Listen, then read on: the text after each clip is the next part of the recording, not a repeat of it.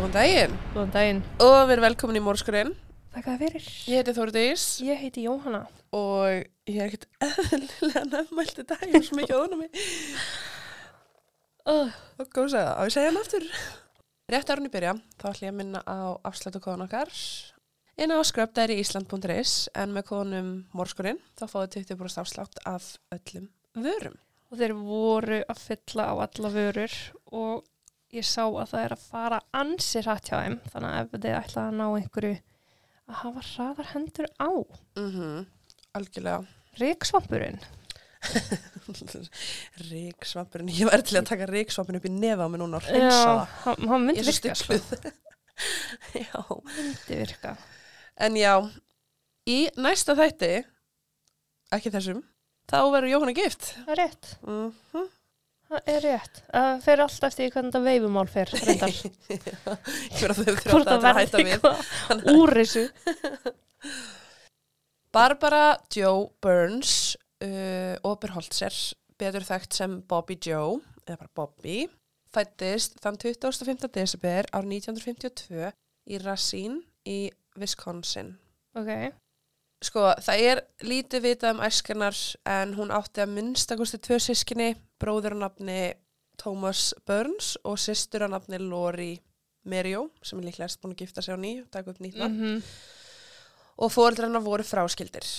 Uh, Bobby, hún var þekkt sem mjög ástrykmanneskja sem elskaði líf sitt og fann alltaf haminguna sama hvar hún var stödd.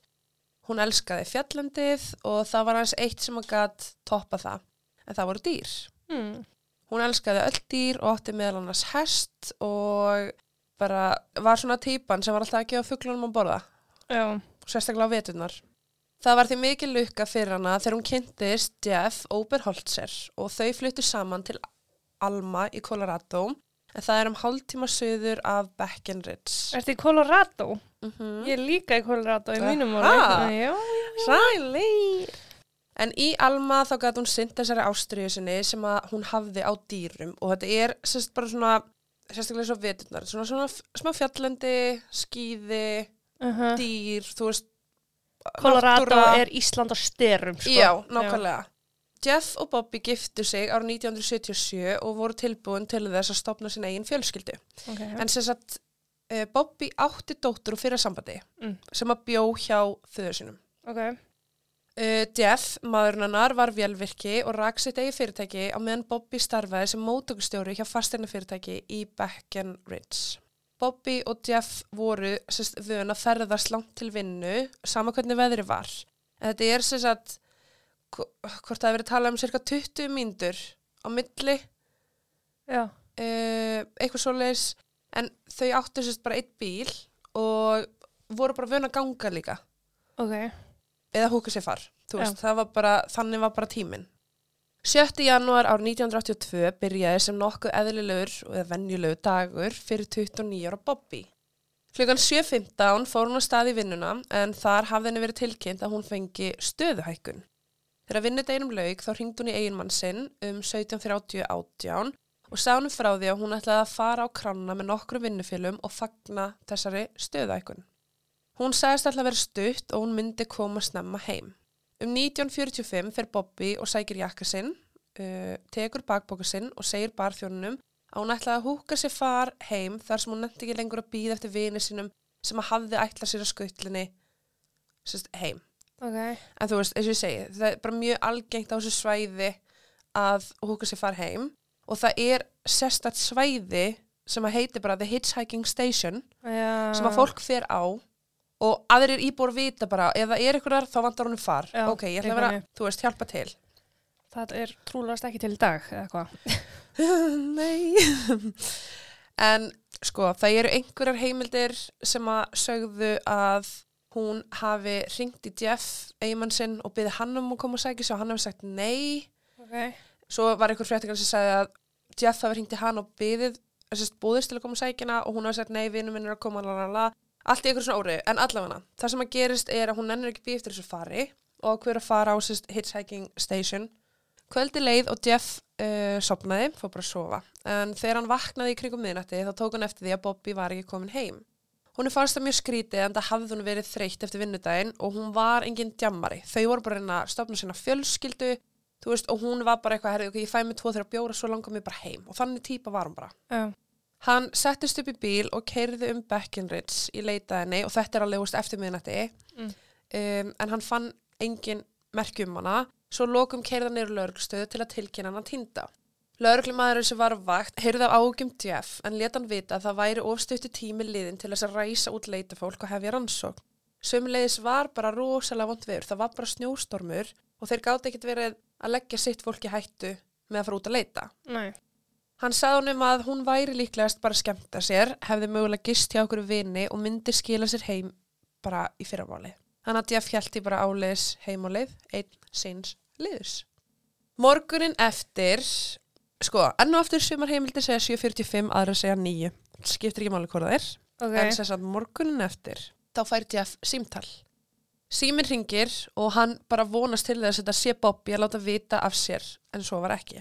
Það var sem sagt búkars eigandi á svæðinu sem hafði hringt í hann og sagt honum að hann hafi fundið ID-kort á lóðinu sinni. Hvort sem það var augskirtinni eða nafnspjald eða nafnskirtinni. En nafni var sem sagt Bobby Joe og það var einnig mynd af henni. Ok. Jeff uh, hringdi í bróður sinn og vinið sinna og saman fóru þeir að svæðinu til þess að aðtöðu þetta en í ljós kom að þetta var, ID-kortið hennar Bobby sem að fannst, sem þótti mjög óvinnilegt. Þeir ákveðu því að keira um á svæðuna, svipast um eftir henni og á meðan því stóð þá spottaði Jeff eitthvað. Þegar hann fór út úr bílnum til þess að aðtöða þá tók hann eftir bakpókunum hennar Bobby en nálagt honum var blóður hanski. Hanski sem að tilheyrði Bobby. Það voru samt sem áður engin merki um Bobby sjálfa.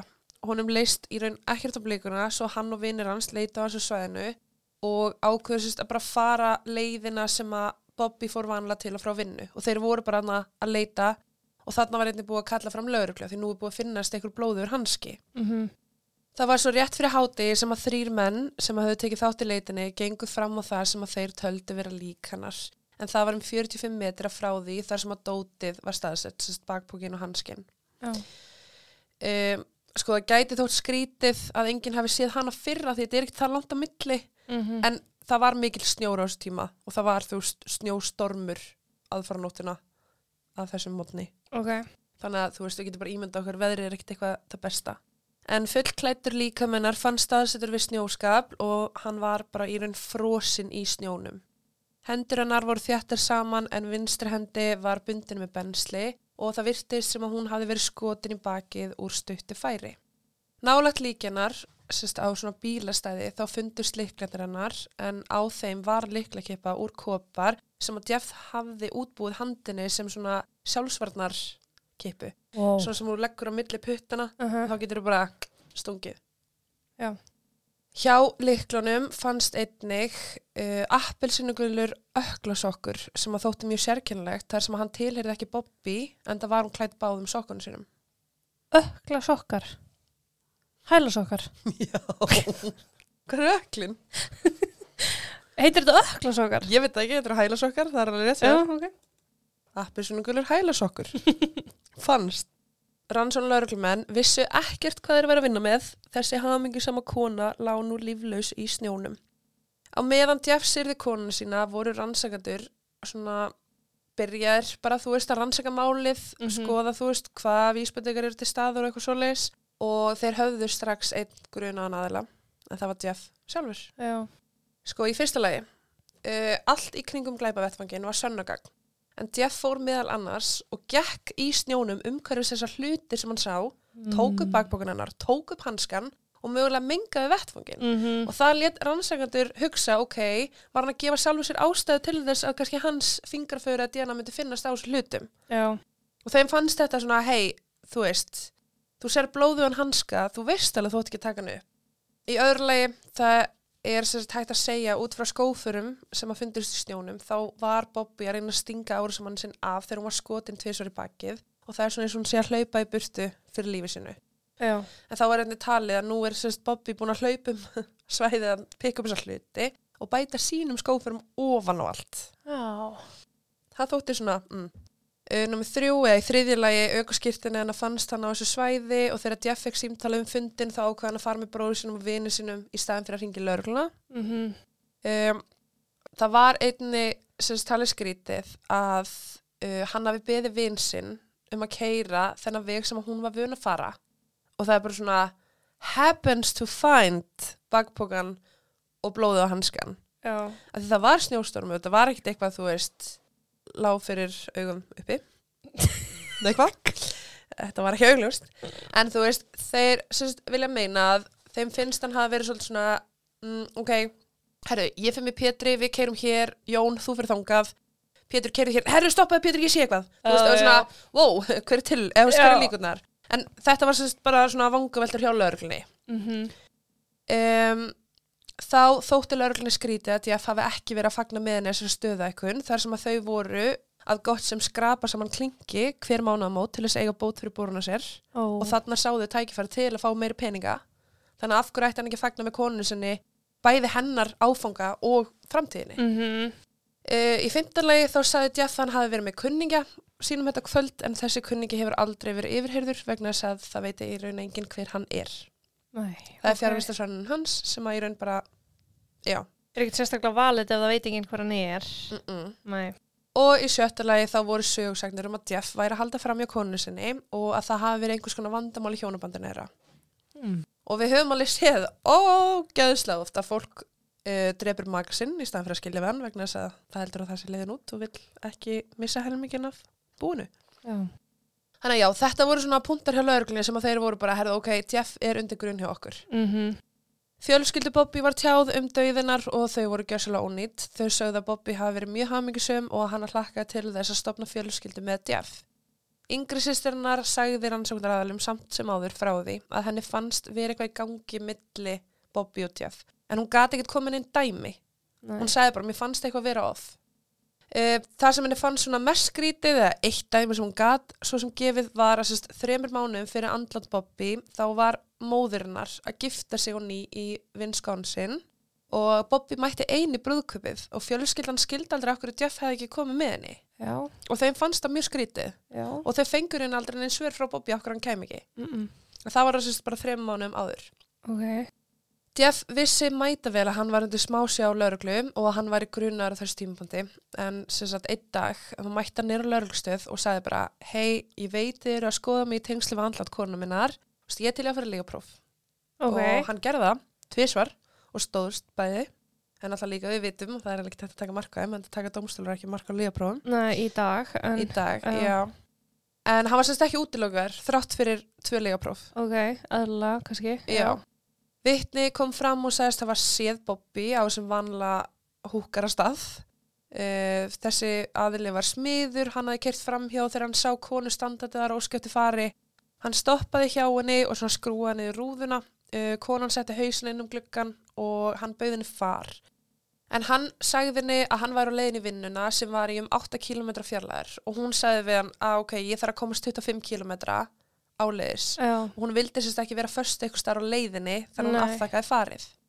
En maðurinn sérst að því hún kom svona inn um farþegahurðina og veist að tala við hann þá náði hann að sjá hana vel og hann var bara handvissum að þetta hafi verið Bobby. Ok. þannig að nú búið staðsett hana á þessu svæði hann að hitchhiking Mhm. station að vera að húka sér far. Á meðan að þeir beindu augum sínum að Jeff þá hafði þessi satt málið tekið óvandar stefnu. En við erum enn aftur í Breckenridge Annette Sný var 21 árs og bjóð þar. Hún var mjög lífsglöð stelpa og ákvæðsist að flytja til Colorado. Hún hefði sérst unnið sem svona módel og hann langaði að flytja til Beckeridge uh, þar sem hann langaði til þess að vera flugfreyja og hún taldi að möguleikarnar myndu aukast ef hún byggi nálega við Stórborg en sagt það er einn og halvu tími til Denver. Já. En það er skilirði þess til að, að vera flugfreyja bandaríkjunum eða að minnstakosti þarna á þess tíma var sem sagt að þú þarft að vera orðin 22 ára. Já. Og hún var 21 árs, þannig hún var svona svolítið bara undirbúið sig fyrir það. Ok. Hún hefði fengið vinnu á Holiday Inn hótelinu sem þerna eða restitæknir og vann einni sem bar þjóðn á kvöldin. Hún hins vegar fekk aldrei tækifæri til þess að sækjum þetta draumastarf. En sem sagt á föstudags morgun, þann 7. júli, uh, þá ringdi yfirmarnar á Holiday Inn í laurugluna þar sem að hún hafði ekki mætt til vinnu en þeim fannst það mjög ólíkt henni. Daginn áður, eða þann 7. janúar, þá hafði Annette verið að vinna til um 16 á Holiday Inn En eftir vinnu þá fóru til læknis og um 1645 þá sérst hún í apotekinu verið að sækja sér lif en það var ekki langt frá staðunum þar sem að Bobby sá síðast verið að húka sér far. Ok, Þetta er sami dagur, 7. janúar. já. Þú sagði 7. júli á hann, ég. Það ekki? Já. Fyrir utan apotekið þá sérst hún tala við óþekta dökkarða konu í eitthvað tíma uh, en það var svona það síðasta sem að einhver sá hana. Og svo er talið að hún hafi farið á sama stað og Bobby til að húka sér far heim. Ok. Leit heima hjá henni gaf rannsakandum vísbendingur, vísbendingar um að hún hafi aldrei komið heim til sín sérst eftir vinnu þennan dag en það var síðan daginn eftir eða 7.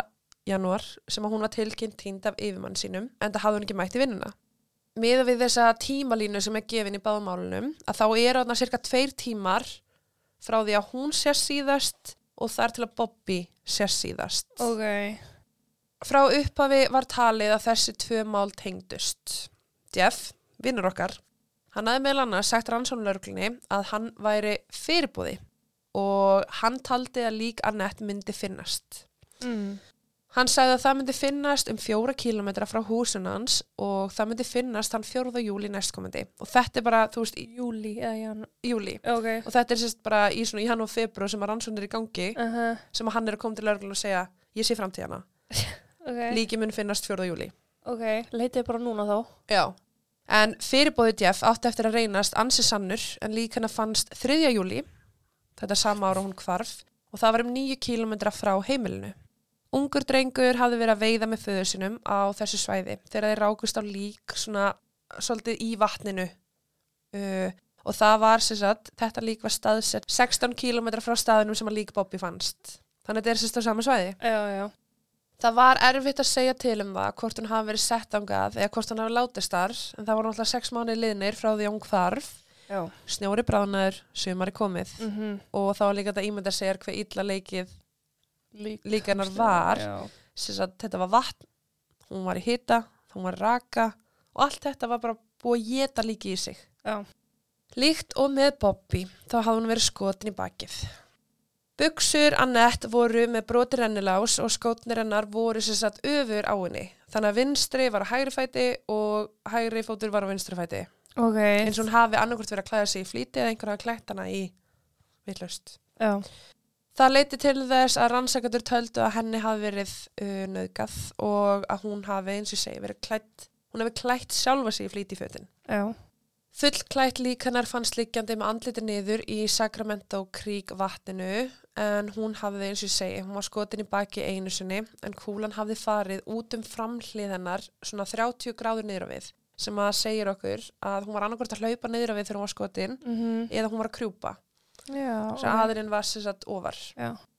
Þegar skórnir voru teknir af henni þá tókur rannsakandur eftir því að hún var einungis í einum sokk. Appisinu gulum hælasokk. Já. Sokkurinn var sérst, úr sama pari og hafði fundist nálægt líki Bobby sex mánum áður. Þeir vissir hún ekkert hvað er hægt að lesa út úr þessu. Var soknum komið fyrir hjá líki Bobby? Var þetta slis? Var þetta viljandi gert? Máli er að sokkarnir uh, voru sérst í eigu annett en móðurinnar hafði á það og hún sagði bara ég gaf henni þessi sokka. Mm. Þannig að þetta voru sokkarnir hennar annett og eitt sokkurinn endar 16 km í byrtu hjá líki Bobby. Já, það er engin tilvæljón, sko. Nei. Annett hafði einnig verið í jakka en þegar hann var skoðaður þá fundur rannsakandur mynd í einum vasanum en myndin var sérst af manni svona andlitsmynd en maður leit út fyrir að vera hermaður með við hvernig myndin var tekin og tali var að það væri einhver sem að stæðinni nær veintalega, fyrst þau eru að finna þessa mynd af einhverjum, þú ert ekki með mynd í vasanum nema þú þekkir aðalega Já, ég ætla rétt að hún ekki. En hvorki fjölskyldanar nýja vinir könnuðust við hennar mann. Myndin var gefin út í fjölmiðlum í vonum að maðurinn myndi stíga fram en til dagsins í dag hefur hann aldrei gert það og það hefur engi komið fram með ábyrtingar um hver þessi maður er. Er þetta hvort ekki óupplýst? Ég ætla ekki að segja það neitt. En svo fór ég að hugsa, þú veist, svo er þetta kannski bara eitthvað að mynda einhverjum sem að fylgir með myndarum í ík eða eitthvað og lögurlega bara, hver er þú? og svo er þetta enginn, skilur En þessi maður, þú veist, það veit enginn hver þetta er. í rauninni. Ok. Það sem kom rannsakandi mest á óvart var annar hlutur sem að fannst í vasanum hennar Annette. Um var að ræða nafnspjald eða svona business card. Það tilherði engum öðrum en Jeff. Oberholzer. Það er náttúrulega bara engin tilviljun, Mm. tilviljun þar á. Lörglunni stóði ekki á sama með það en það hafði hann verið helsti gruna aðilinn í máli konuna sinnar og núna var nafnspjaldið hans að finnast á líki annarar látinar konu Já. sem að hvarf sama dag á konunans. Mm -hmm. Þeir mætti því til hans og spurði hann út í þetta nafnspjald og hvernig það geti mögulega hafa endað hjá henni. Í fyrstu sagðist hann ekkit kannast við að hafa nokkuð tíman hitt Annett, hann myndi ekki eftir henni og gati ekki gefið ástæði fyrir því að nafnspjaldi væri hana. Svo breytti hann frambyrði sínum og sagðist hafa fattað hver hún væri. Hann sagði lögreglunni að árin áður hafa hann gefið Annett far, eða sérst sumarið uh, síðast ár. Mm. Og hann sagði sérst að hann væri vanur að gefa fólki nafnspjaldi sitt sem hann var að gefa far. Þú veist, þá hafa hann gefið henni far frá Hitchhiking Station. Samakvöld og konunans konunans sem hann nefndi ekki að sækja. Nei, á sumarið áður. Sumari áður, Já. ok, ok. Þetta styrti grunlauruglum að Jeff bæri ekki bara ábyrð að dauða konuna sinnar, heldur einni Annett. Mm Jeff krafðist þess að hann væri saklaus og eins og ég segi, þá gaf hann fram þessa fínum fjármstusönnun, en það var aldrei þetta staðfyrst hana. Nei. Jeff var lengi grunar um morðu á eiginkonu sinni, Bobby og Annette, en var á einhverju tímapunkti svona, ekki beint hreinsaður á grun, en það var sem sagt, Bobby fór til örglunar og gaf sjálfviljur DNA síni til þeirra. Bobby. Hún gæti alveg gert það. Nei. Jeff gerði það. Já. En það var nefnilega svo að blóð, sérst, á blóðu og hanskanu sem að fannst uh, á morðvettfangi Bobby, þá fannst blóðu sem að tilherði henni ekki. Mm. Og það er talið sérst, að hún hafi notað leiklakipuna Já. og það hafi, já, sérst, Ok. hún var í hanskanum með leiklakipuna, hefur skorið í árásmannin Uh -huh. með þeim álingum að blóði hans. Já, já, já. Um, á þessum tíma þá var sérst, bara hægt að gera svona blóðflokkagreiningu uh, en sérst, blóðið sem að fannst á hanskanum passaði ekki við blóðflokk Jeff. Ok. og með því sem að DNA-tæknin var betri þá var einnig hægt að sagt, segja til um það að það var ekki samsvörun með þessum tveimur sínum. Ok. Þannig að bara með árunum sem að liðu að þá kom í ljós að þetta var ekki DNA-stjaf. Já. En það þýðir samt ekki endilega hann hafi verið ekki grunaður uh, vegna þess að lögreglan var bara ok, getur verið að þeir hafi verið tveir á verki. Mm Var einhver annar sem að, þú veist, Já. þannig að lögreglan útilokaðan en þeir voru samt alltaf meðan Já. hann var fremstur á blaði hjá þeim árin liðu mörg ár við erum alveg komin í mm, 2020, Ó. 2019 2020, 2021 en eina sem að rannsakandur gátu gert á þess tíma var bara að bera saman DNA sínið sem að fannst á vettfangi við ótal gagnagrunna þar sem að hinir og þessir menn voru útilokaðir. Já. ekkert gekk og að lokum var ákveð að prófa sig áfram í ættfræðinni. En sérst, DNA sínið var sendt til United Data Connect fyrirtækis í Denver sem að hýsti ættfræði gagnagrunn. Og það var svo að það var svo svo að rannsóknaraðali Máli Bobby og Annette fekk símtal frá sérst þessum ættfræðing ég veit ekki hvort það sé heiti Ertu ættfræðingur? Hald ég. okay. sem að sagðist hafa fundið tvær samsvarnir við blóðið sem að fannst á hanska Bobby. Alan Phillips og Bruce Phillips voru nöfnin sem að þeir fengu í hendunar. Uh, Alan Lee Phillips sem var þá 69 ára gamall, þetta er sérst árið 2020. Ok. Nei, það voru töfla þrítur þegar máli gerist. Þetta er 2021 fyrir göðu. Ok. Já. Og eldri bróður hans Bruce voru nú orðni grunaðir um tvö morð í Breckenridge. Ákveði var fyrst að taka viðtal við Bruce en hann sagðist aldrei hafa búið í Colorado en sagði að bróður hans Alan hefði hins vegar gert það í eitthvað tíma. Þegar skoða var máli nánar þá komist rannsakatur að því að Alan hafði búið rétt fyrir utan Breckenridge. Hann hafði verið kvæntur þreysvarsinum og átti tvo stjúpsinni og dóttur.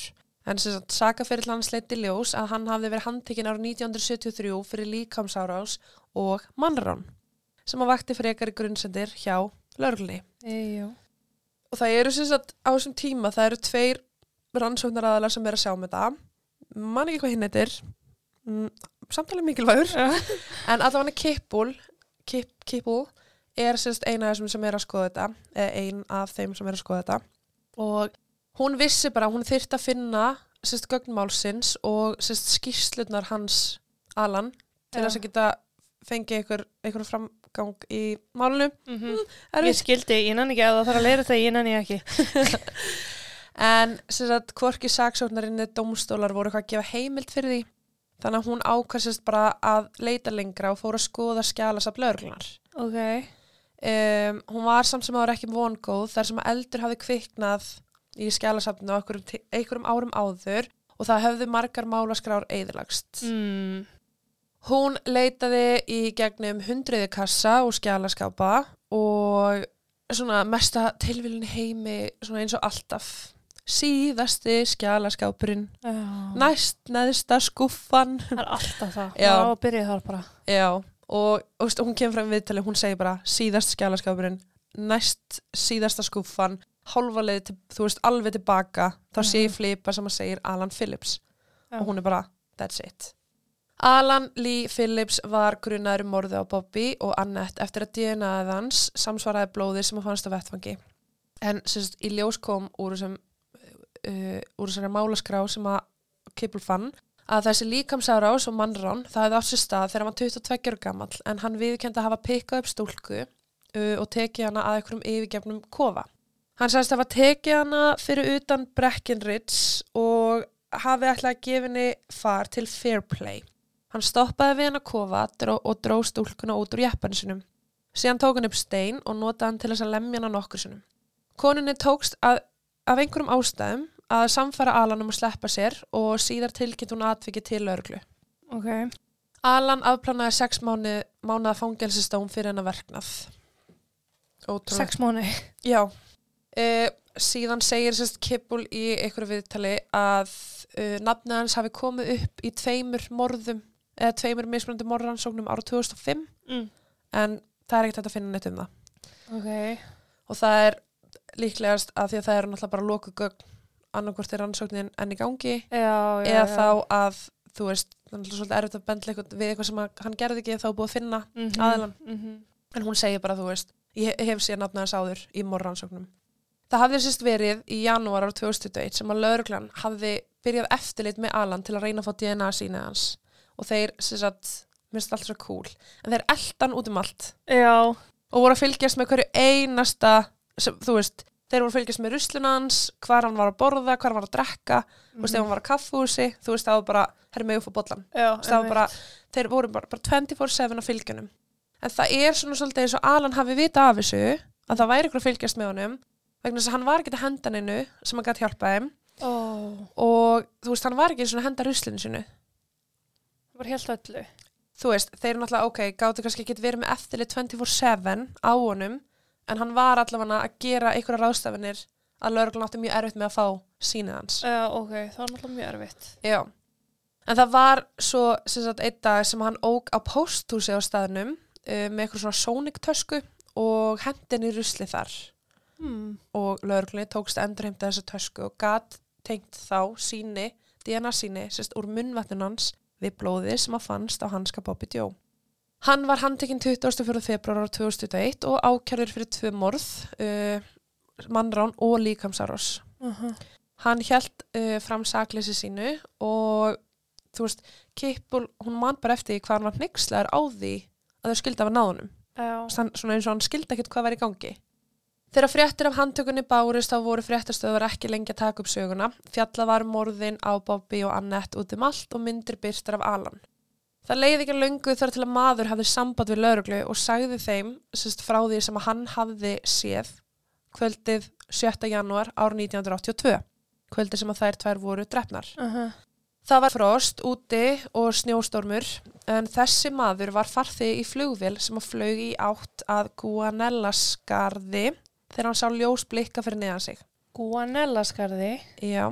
Þessi maður tók eftir því að uh, það var sagt einhver að gera SOS neyðarkall fyrir neðan sig. Ok. Okay. Hann var í flugvélni að fljúa. Hvað með eld eða? Nei, úr jeppa sem að satt fastur í storminum og afturendi Ah. bílsins var þakin snjó. Ok. Þegar flugvélinn nálgæðist þá kom Alan auga á vélina og gerði SOS neyðakalli tvisasunum. Ég vonum að einhver skildi af að tekja eftir honum. Blikka ljósánu þá eða Já. með flautinni. Blika ljósinu. Ok, ok. Sniðugt samt. Mm og sem sagt, það gerði að verkum að flugmaðurinn sendi neyðarbóð með GPS nýtum til björgunaraðala um að einhverju vanti aðstóða þessu svæði. Já. Dave Montoya uh, var sá sem að tóka móti neyðarkallinu og þegar hann kom að manninum þá tók hann eftir að þetta var Alan og hann bara spurði hann hvað í anskotan mann væri að gera þarna í þessum snjóstormi.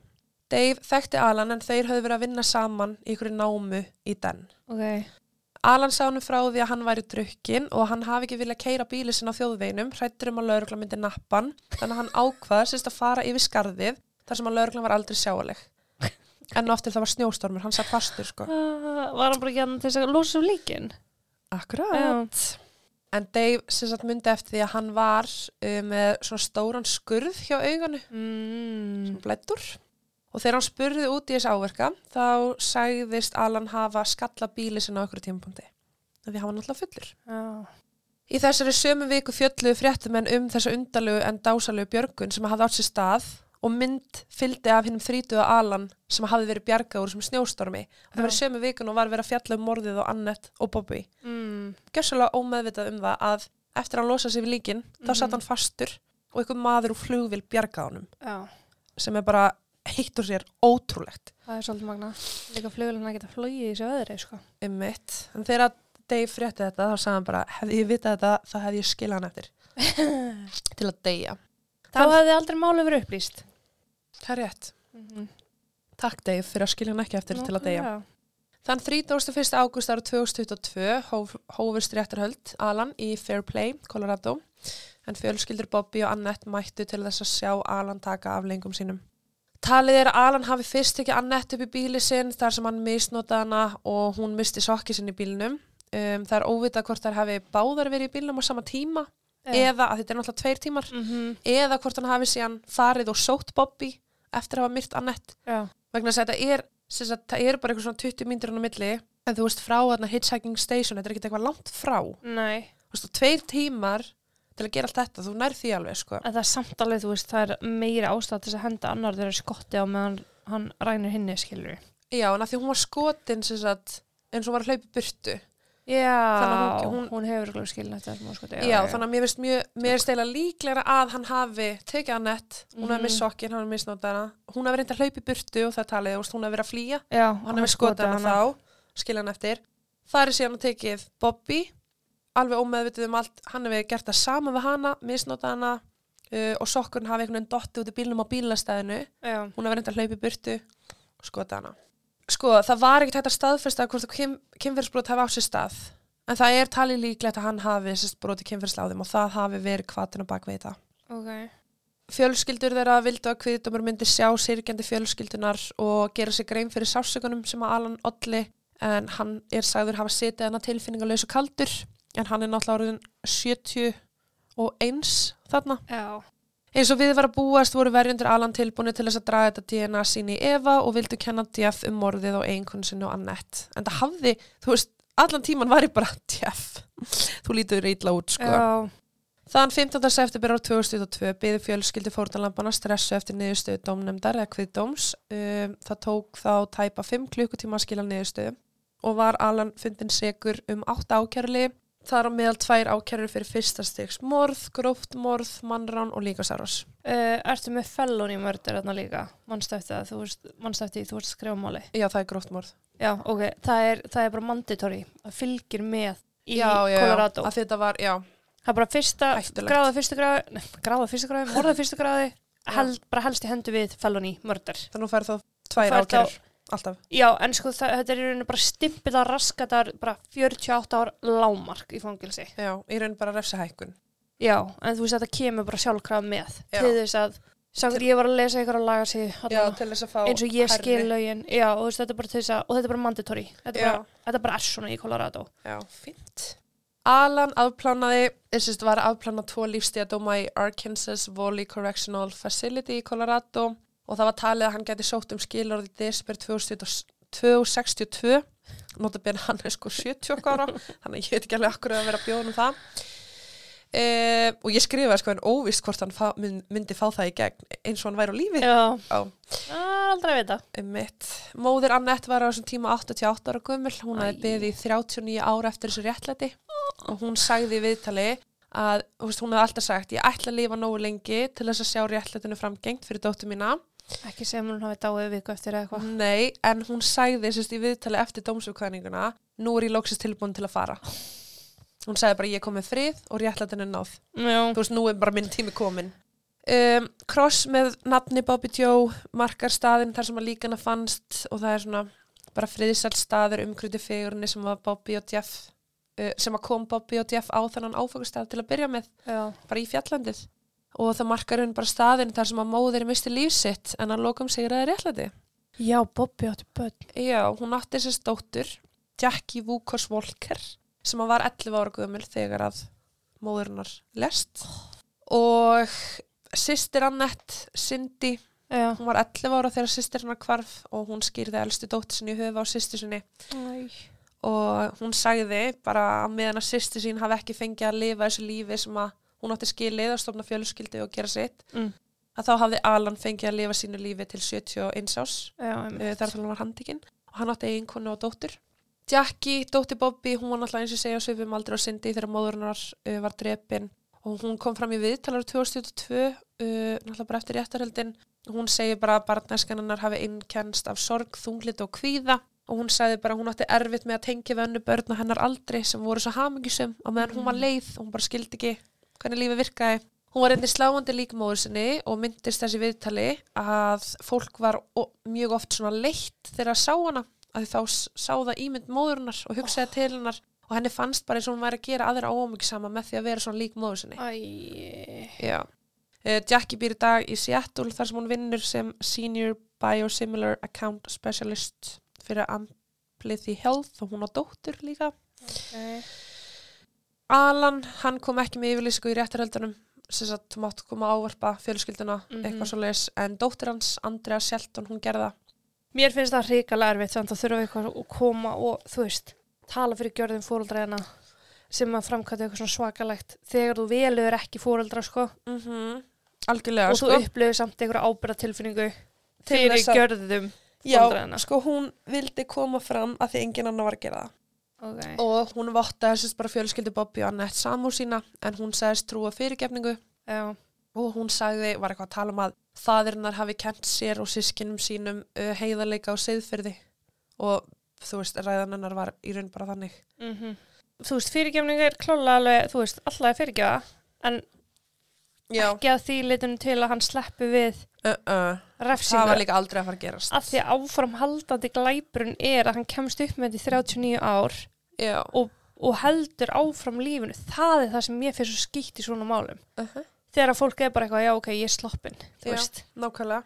Uh, Hún sagði líka bara He's a good man and I thought someone should say something. En hún alltaf bara ólst upp með pappa sinn sem pappi sinn og hún þekkir hann ekkert, já, þú veist, öðruvísi nema hún veit núna bara gjörðum hans já það er náttúrulega líka, þú veist, í langflug eða já, mjög mörgum tilfellum eru fóröldarnar manns bara mm -hmm. hetjutum manns sko, Nákvæmlega ángætlega annað kemur ljós Það var svo í mars á þessu ári, 2023, sem að hinn 72 ára Alan lést í fangelsi.